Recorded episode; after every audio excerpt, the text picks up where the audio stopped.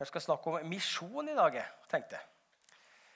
Eh, det er faktisk eh, kanskje ganske overraskende. Vågalt. Vågalt steg. Der kommer det noe, vet du. Ja. Jeg skal snakke om misjon, eller, eller rettere sagt misjon, misjon, misjon. Og det, det, er noe som jeg har vært opptatt av i ja, mange, mange år. Siden jeg først tok imot Jesus personlig som personlig frelser og herre i 1987. Da har jeg vært opptatt av misjon. Mer og mer, egentlig. Og Jo mer jeg er opptatt av det, jo mer forstår jeg hvor viktig det er at jeg er opptatt av det, og at jeg gir mitt liv til det, og at det også kan få inspirere og infisere andre kristne til å gjøre det samme. Om du er her i dag og ikke veit hva misjon er, så håper jeg at du får litt bedre forståelse for det i dag.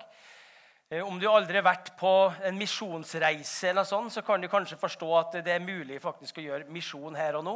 Hvor misjonsmarka mer og mer kommer til vårt eget land. Da.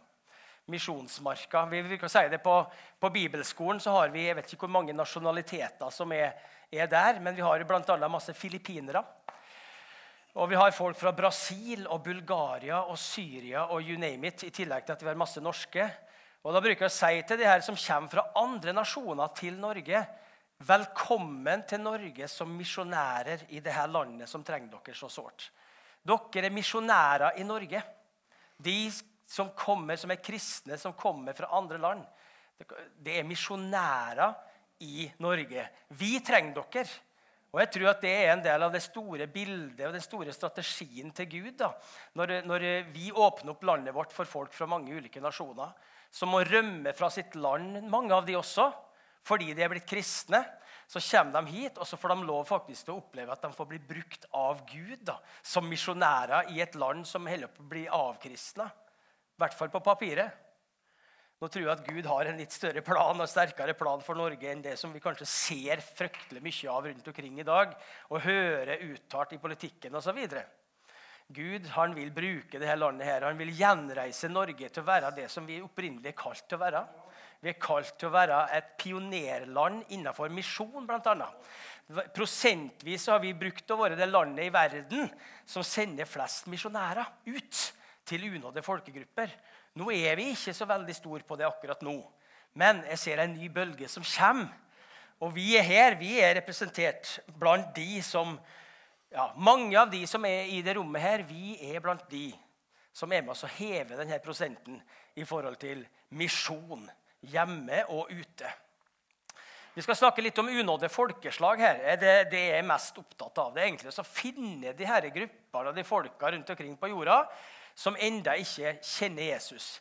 Eller som denne definisjonen viser, da, skal du få se, altså nasjoner av folk som har under 2% kristne. Det blir litt fakta og litt sånn her nå.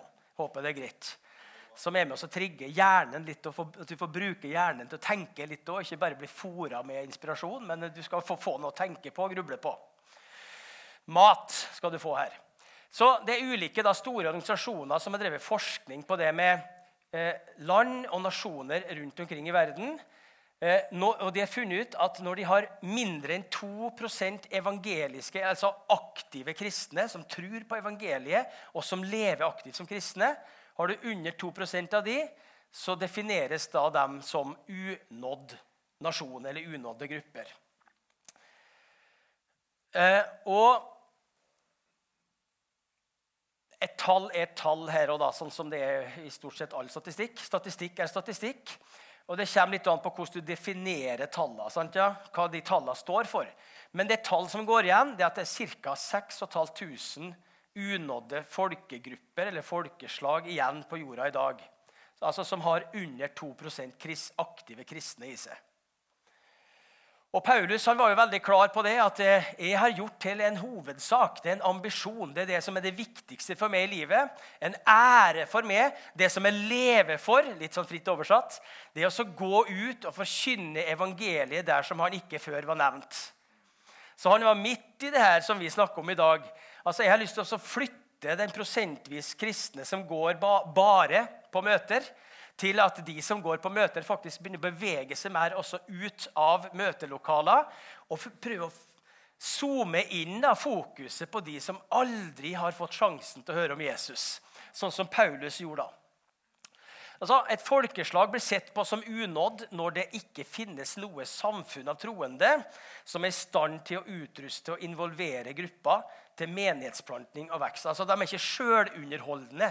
De er ikke sterke nok til å holde liv i sin egen prosess når det gjelder menighetsplantning og evangelisering.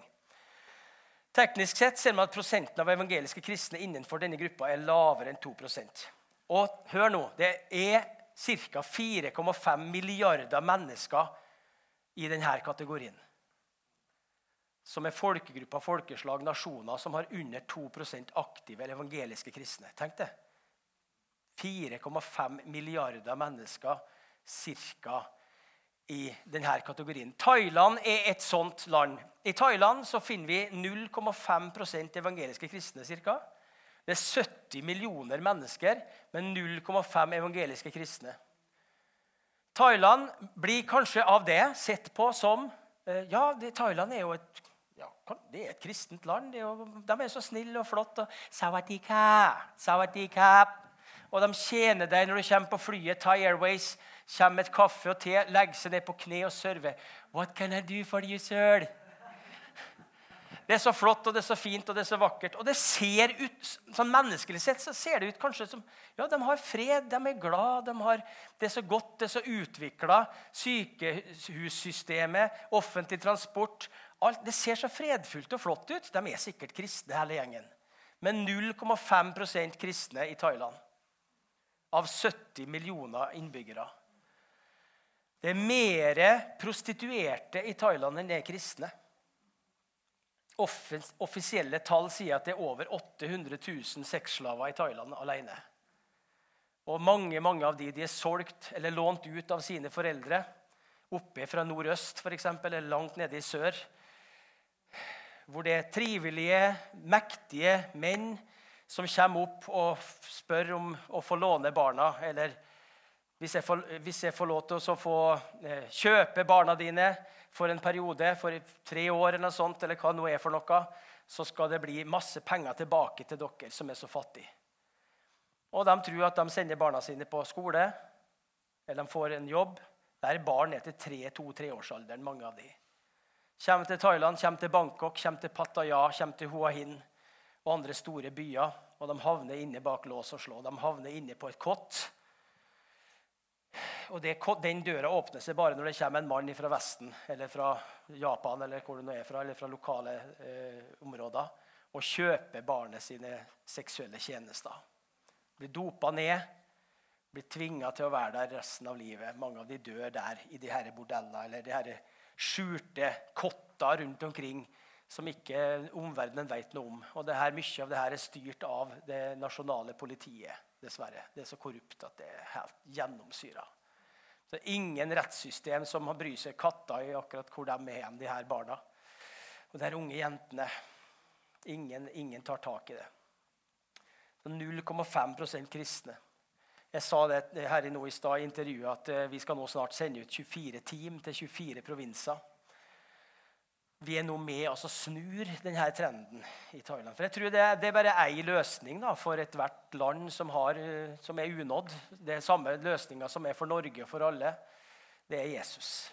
Det er evangeliet. da. Det er evangeliet som setter fri. Sannheten skal sette dere fri, og sannheten er Kristus. Det er evangeliet om Jesus Kristus som løser oss. Det er kun det som kan være med oss å snu også en sånn trend som jeg snakka om nå i forhold til på det seksuelle eh, markedet.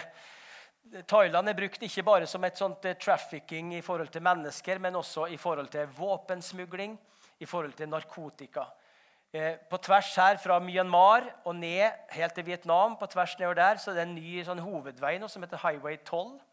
Hovedvei 12 som går på tvers gjennom hele Sørøst-Asia. Der kan man nå bevege seg fritt uten visum hvis du bor nede i området der i Sør-Asia. Så du kan reise på tvers gjennom landa, hvor du før måtte søke om visum, du måtte få, ha garantibrev, du måtte ha referanser osv. fra offentlige myndigheter for å gå over til nabolandet. Mer eller mindre kort, kort sagt. Eh, nå kan du reise med bil på tvers over hele Sørøst-Asia. Og det er blitt en ny smuglerrute for eh, både mennesker, våpen og dop. Thailand er et fritt land, sa jeg her i stad. Det er åpent, det er flott, det er smil og det er latter, og det er god mat og nydelig kultur og, og natur og alt det der der. Men de har ikke en snøring på hvem Jesus er. I mange av provinsene i Thailand så fins det ikke ei menighet engang. Robert, du har vært med på tur. Jeg håper du blir med igjen. Du er en av heltene der. Jeg ser for meg det bildet hvor du sitter sammen, sitter sammen med den gjengen du, på skolen der ute i provinsene. Skolene Vanligvis så er det kun buddhistmunkene som får lov til å komme inn der og fortelle om tro. De mektige buddhistmunkene. Det er jo buddhistisk land. det her. Vi har fått være vitne til at skolene åpna seg opp nå for at vi skal få komme inn, vi som er på besøk i lokalsamfunnet, som er normale, hverdagskristne, kommer ut dit på tur. Og så får vi inn på skolene og får formidle hvem Jesus er. Og Vi tar det på engelsk, noe som er meget interessant for dem. Det at det kommer noen og snakker engelsk. De har lyst til å lære engelsk nå i Thailand. Det er noe helt nytt. Så da bruker vi det som koblingspunkt for å komme inn med evangeliet. Da forteller vi om flagget, eller korset i flagget vårt. Vi forteller om uh, Midnight Sun, og så forteller vi om The Biggest Son of All. Jesus Christ, Son of God. så, så sånne koblingspunkt bruker vi da. Ok, Så her trengs det misjonærer. Her trengs det folk som kan være ute på en liten tur.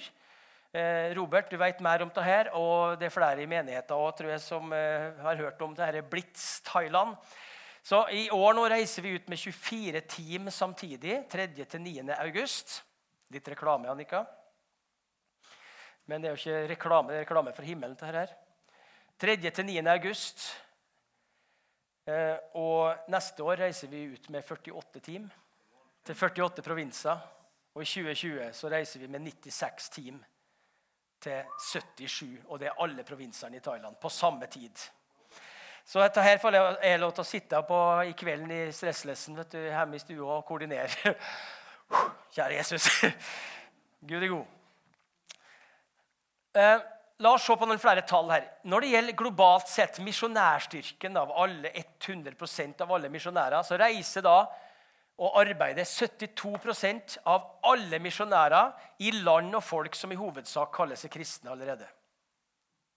72% av alle misjonærer som fins, reiser og jobber i sånne land som det er. F.eks. Norge, Paraguay, you name it. Land som i utgangspunktet har en veldig stor prosentandel kristne. Det kan være altså katolske land, kristne land. 25% arbeider i land som har Bibel og menigheter tilgjengelig også.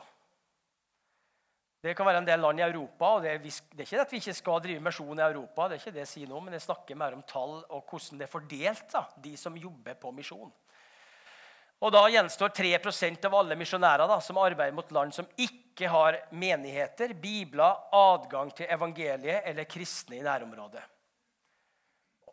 3% av alle misjonærer reiser til de som ikke har en peiling på hvem Jesus er. altså.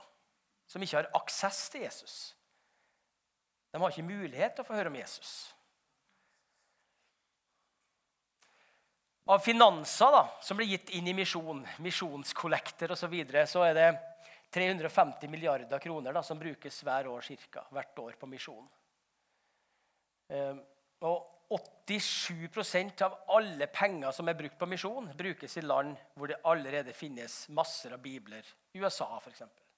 Masser av bibler, kirker og aktive kristne. 87% av alle misjonsmidlene brukes der. 12% går til land og folk som har tilgang til alt det her òg. Har kirker, har bibler, har kristne.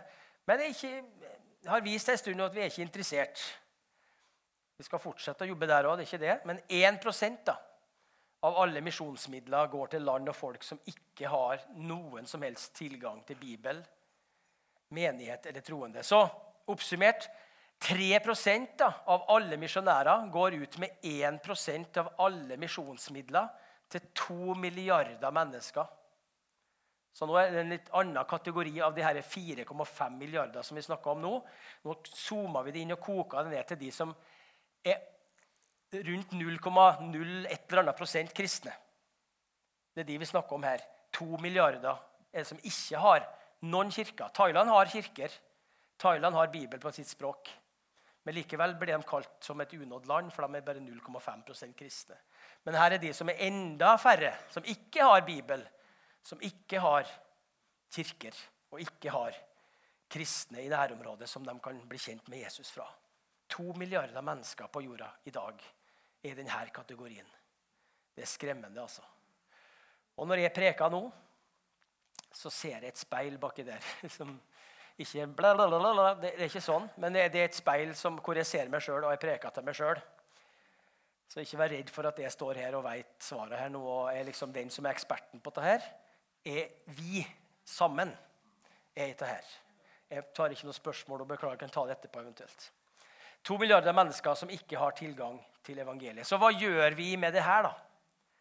For jeg tenker at Når en ser sånne tall, når en får høre noe, så har vi et ansvar for å gjøre noe med det vi hører. Enten så kan vi jo si nei, dette er jeg ikke interessert i. Vel, da har vi i hvert fall gjort noe. Da har du tatt et standpunkt. Dette vil ikke jeg være med på. Eller du kan si dette må vi gjøre noe med. Dette er så urettferdig at vi skal høre evangeliet 100 ganger, 1000 ganger per eh, måned. Og så er det fortsatt mennesker på jorda som ikke har hørt det en eneste gang. Dette vil jeg gjøre noe med. Eh, han i Noah vet du, han venta ikke han på at eh, det skulle komme en båt seilende til ham. Han bygde en båt. Altså, Han fikk noe fra Gud. Han fikk en innskytelse, han fikk en visjon fra Gud. Og så begynte han å arbeide med det. Han bretta opp armene og så begynte han å bygge en båt. For det var det som var visjonen. Gud sa du skal bygge en båt. Ok? Så Hvis vi drar parallellen over til det som vi snakka om nå, da, så hva gjør du med det? Sant? Skal, venter du på at det skal komme enda mer skrift på veggen? At det skal skje et eller annet for at du skal begynne å bevege det? Eller setter du det ned nå etter møtet i dag når du kommer hjem?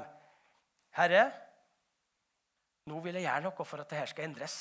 Dette kan ikke fortsette sånn. Så kanskje du skal være en av de som skal få bygge en flott og fin båt her, som skal frelse en del folk.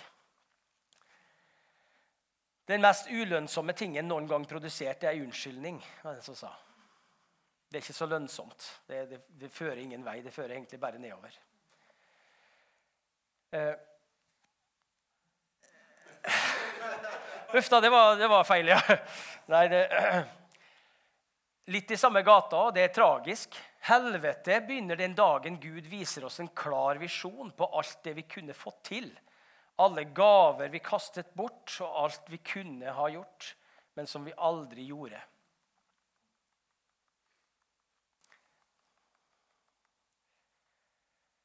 Alt vi kunne ha gjort, alt vi så, men som ikke vi gjorde noe med. Og så oppdaga vi det her for seint.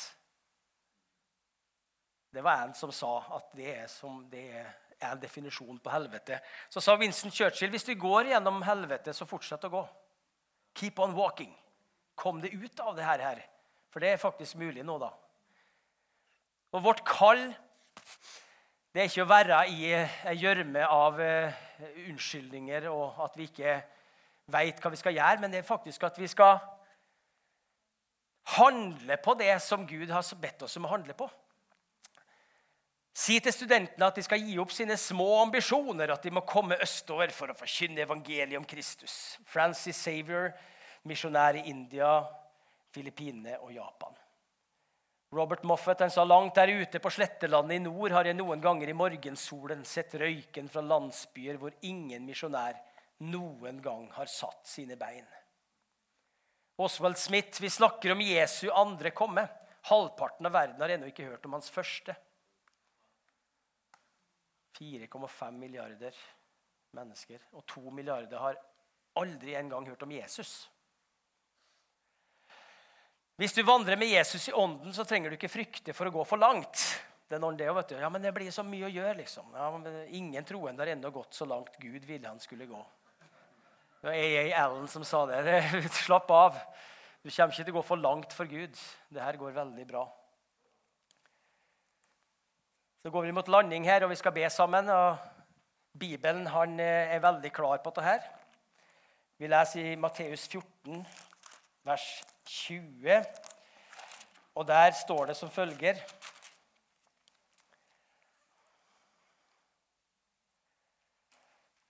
Det står egentlig her òg. og alle spiste og ble mette. Alle spiste og ble mette. Amen. I dag er ikke alle mette. I dag har, fordi det er ikke alle som har fått spist. Da snakker vi om Guds ord. Vi snakker om budskapet. Ikke alle har fått høre. Så vi er ikke mett i hjertet. Vi har ikke fått dekket tilfredsstillelsen og lengselen vår i hjertet vårt. Det er fordi at disiplene, Vi som er disipler i dag, vi har misforstått litt. Vi driver og deler ut mat til de første rekkene bare. Og Så går vi tilbake og så henter vi mer mat, og så går vi til de første rekkene igjen. Det er ikke sikkert alle har hørt denne parallellen eller sett denne illustrasjonen, men i Matteus 14 her så står det om da Jesus og disiplene metta 5000 menn foruten kvinner og barn. Kanskje 15 000 stykker til sammen har en del eh, regna på. Så sier Jesus dere skal gi de her mat sin. Aha, skal vi gi mat til 15 000 mennesker? Vi har jo ingenting. Vi har bare ei bitte lita matpakke. Det er alt vi har. Ja, kom igjen. Så tar Jesus matpakka og så velsigner den gutten sin matpakke, han som ga maten sin til Jesus, for at det skulle bli til velsignelse for andre. Så begynner disiplene å dele ut mat. De får noen små biter hver. Sant? Og så går de da Vær så god, vær så god, og så vær så god der. Og så går de og deler ut her. Vær så god. Og vær så god. Vær så god, vær så god. Dele ut mat. Oi, det er tomt. Vi må tilbake til Jesus. De springer tilbake til Jesus. 'Jesus, kan du gi oss mat? Vi trenger mer.' Jesus sier, 'Vær så god, gutta. Her er mer mat.' Vær så god. Vær så god. Vær så god. Vær så god. Ja, du har vær så god, ja. Oi, tomt. Igjen. Tilbake til Jesus. 'Jesus, vær så snill, da. vi må ha mer mat.' Det er tomt igjen, Jesus. OK. Vær så god, vær så god. Vær så god, vær så god. Tomt. Vi må tilbake til Jesus. Jesus, kan vi få litt mer mat? Det er tomt igjen. Så sier Jesus, nei, gutter, nå er det tomt her òg. Dessverre. Og langt der bak så hører de noen som roper Hei, hva med oss, da? Hjelp oss, vi vil også ha mat! Vi er sultne! Hjelp oss! Ikke bare gå til de fremste rekkene! Hjelp, vi vil ha mat! Vi er sultne! Dessverre. Det er tomt. Skjønner du, eller? Hva vi kristne har holdt på med i altfor mange år. Vi forteller budskapet til de samme folka igjen og igjen og igjen. Ikke noe galt med menighet, ikke noe galt med kirke. Jeg går i det sjøl. Men hvorfor er vi kirke og menighet foruten å bare ha et godt fellesskap og be sammen og inspirere hverandre? Jo, det er for de herre som er langt der bak, i bakre rekker. Det er de som roper etter også å få del i det her. De veit bare ikke hva de lengter etter. De veit ikke hvem Jesus er. De veit ikke hvordan de skal få tak i det som de egentlig lengter etter. Så la oss ta maten litt lenger bakover i rekkene, folkens. Nå er vel denne menigheten en av de sprekeste, i hvert fall i Norge, på det. I Europa òg, kanskje. På å dele med naboer og venner og få flere inkludert inn, inn i Jesu nærvær. Men likevel så sier jeg det her. Og jeg sier det til meg sjøl i speilet der bak. Guds vilje er at alle skal bli frelst og komme til sannhetserkjennelse. Han elsker naboen din og min like mye som han elsker meg og det. Han elsker de her tyskerne som en Daniel og Katrin er sammen med nå, like mye som de, han elsker dem to. Han elsker de Fulani-folket i Guinea som Daniels Smenes fikk besøke nå, like mye som han elsker Daniel. Og de thaierne som mange av oss skal besøke i august, like mye som han elsker oss 24 team som skal ned der. Det er fortsatt ledige plasser på de 24 timene, folkens. Så er det sagt òg. Så det er siste plansjen. Pray give, go or disobey. Be, gi, gå eller vær ulydig. Det er John Piper som sier det her. Det får bare stå sånn, tror jeg, så skal vi be nå. Så skal du tenke nå, med din både hjerne og hjerte Hvor kommer jeg inn i bildet her? Skal jeg be? Skal jeg gi? Skal jeg gå? Skal jeg be og gi? Skal jeg be og gå? Skal jeg, be, skal jeg gi og gå? Hvor er jeg i dette bildet her? Eller er jeg ikke villig til å være noe av de tre første, og så sier jeg bare at nei, det får andre ta hånd om? Ja, da er du ulydig. Så enkelt ser jeg på det, i hvert fall. Og ikke minst fordi Jesus har sagt det. sant? Gå ut i all verden. Når han har sagt det, da er det i hvert fall Det er en evig statement. Så du kommer ikke unna uten å være ulydig der. Så da får du så hua fyk. Ja, Det er alvor, altså, men det er litt artig òg. Vi må ikke være for sånn scary heller. Men la oss be sammen nå. Og så vet jeg at det er mulig å få forbønn og sånt noe etter, etter møtet eller så mot slutten her. Men eh, min jobb er gjort nå når jeg har fått delt det her og fått bedt ei bønn sammen med oss som er her. Herre, takk at du er en Gud som prater med oss. Takk at du er ikke stum, og du er ikke døv heller. Og du er ikke handlingslamma. Nei, du handler. Du er mer levende enn noen gang, Herre. Ja, heller akkurat like levende som du har vært. For du er den samme i går og i dag til evig tid. Herre, nå ber jeg i ditt navn for hver enkelt av oss som er i dette rommet. Jeg ber nå, Jesus, om at du ved Den hellige ånd skal åpenbare din tanke og din plan med oss. Om det er en båt som skal bygges, eller om det er en telefon som skal tas, eller om det er et sykehus som skal besøkes, Herre, eller om det er en bok som skal skrives, eller hva det nå er for noe, Herre, så ber jeg om at du skal bare gi en tanke, en idé, en tilskyndelse, Herre, inn i den enkelte av oss sine hjerter, så at vi finner vår plass, Jesus. Og om vi er på plass allerede nå, så ber jeg om at du tar oss videre inn i neste kapittel, Herre. For du vil at vi skal gå ut til de ytterste grensene, Herre. Og du vil at vi skal åpne øynene også for det som fins i nærområdet vårt, Herre Far. Halleluja. Du, du vil at vi skal få bli brukt til å nå de som ikke har en peiling på hvem du er, Jesus. Og vi vil, at, vi vil at Fræna skal bli frelst, vi vil at Kristiansund skal bli frelst. Molde, hele Møre og Romsdal, herre. Trøndelag, Norge, herre. Men også langt utover Norges grenser, herre, så finnes det folk og stammer som aldri en eneste gang har hatt besøk av en misjonær. Som aldri har eh, fått et, en bibel, ikke en del av en bibel en gang på sitt eget språk. De har ikke peiling på hvem du er. De tilber guder i sol og måne og fjell og stokk og stein, Herre. Og de gudene, de er ikke snille. De er stygge, de er slemme, de er fæle. De skal bare komme for å drepe folket hvis de ikke ofrer til dem. Og Herre, hjelp oss, Herre, så vi kan få bringe de gode nyhetene, Herre. Og vi vet at gode nyheter er bare gode hvis de når fram i tide. Det er ikke gode nyheter hvis de ikke når fram i rett tid. Så vi ber Herre om at vi skal være på rett plass til rett tid, Herre. Og at hverdagen skal være en sånn rett plass til rett tid-dag. Jeg bare ber om det i Jesu navn, Herre. Dagen i dag videre. Og i morgen, Herre, når det er mandag. Det skal være en mandag, Herre. 19. mars 2018, som skal være akkurat midt i prikk for det som du har kalt oss til å gjøre akkurat da, Herre. Og Jeg ber om at det skal ikke være en stress rundt det. Jeg ber om at du skal senke skuldrene våre. Gi oss nåde til å senke skuldra, men ha vidåpne øyne, Herre. Så vi kan se litt mer av det som du ser, Jesus.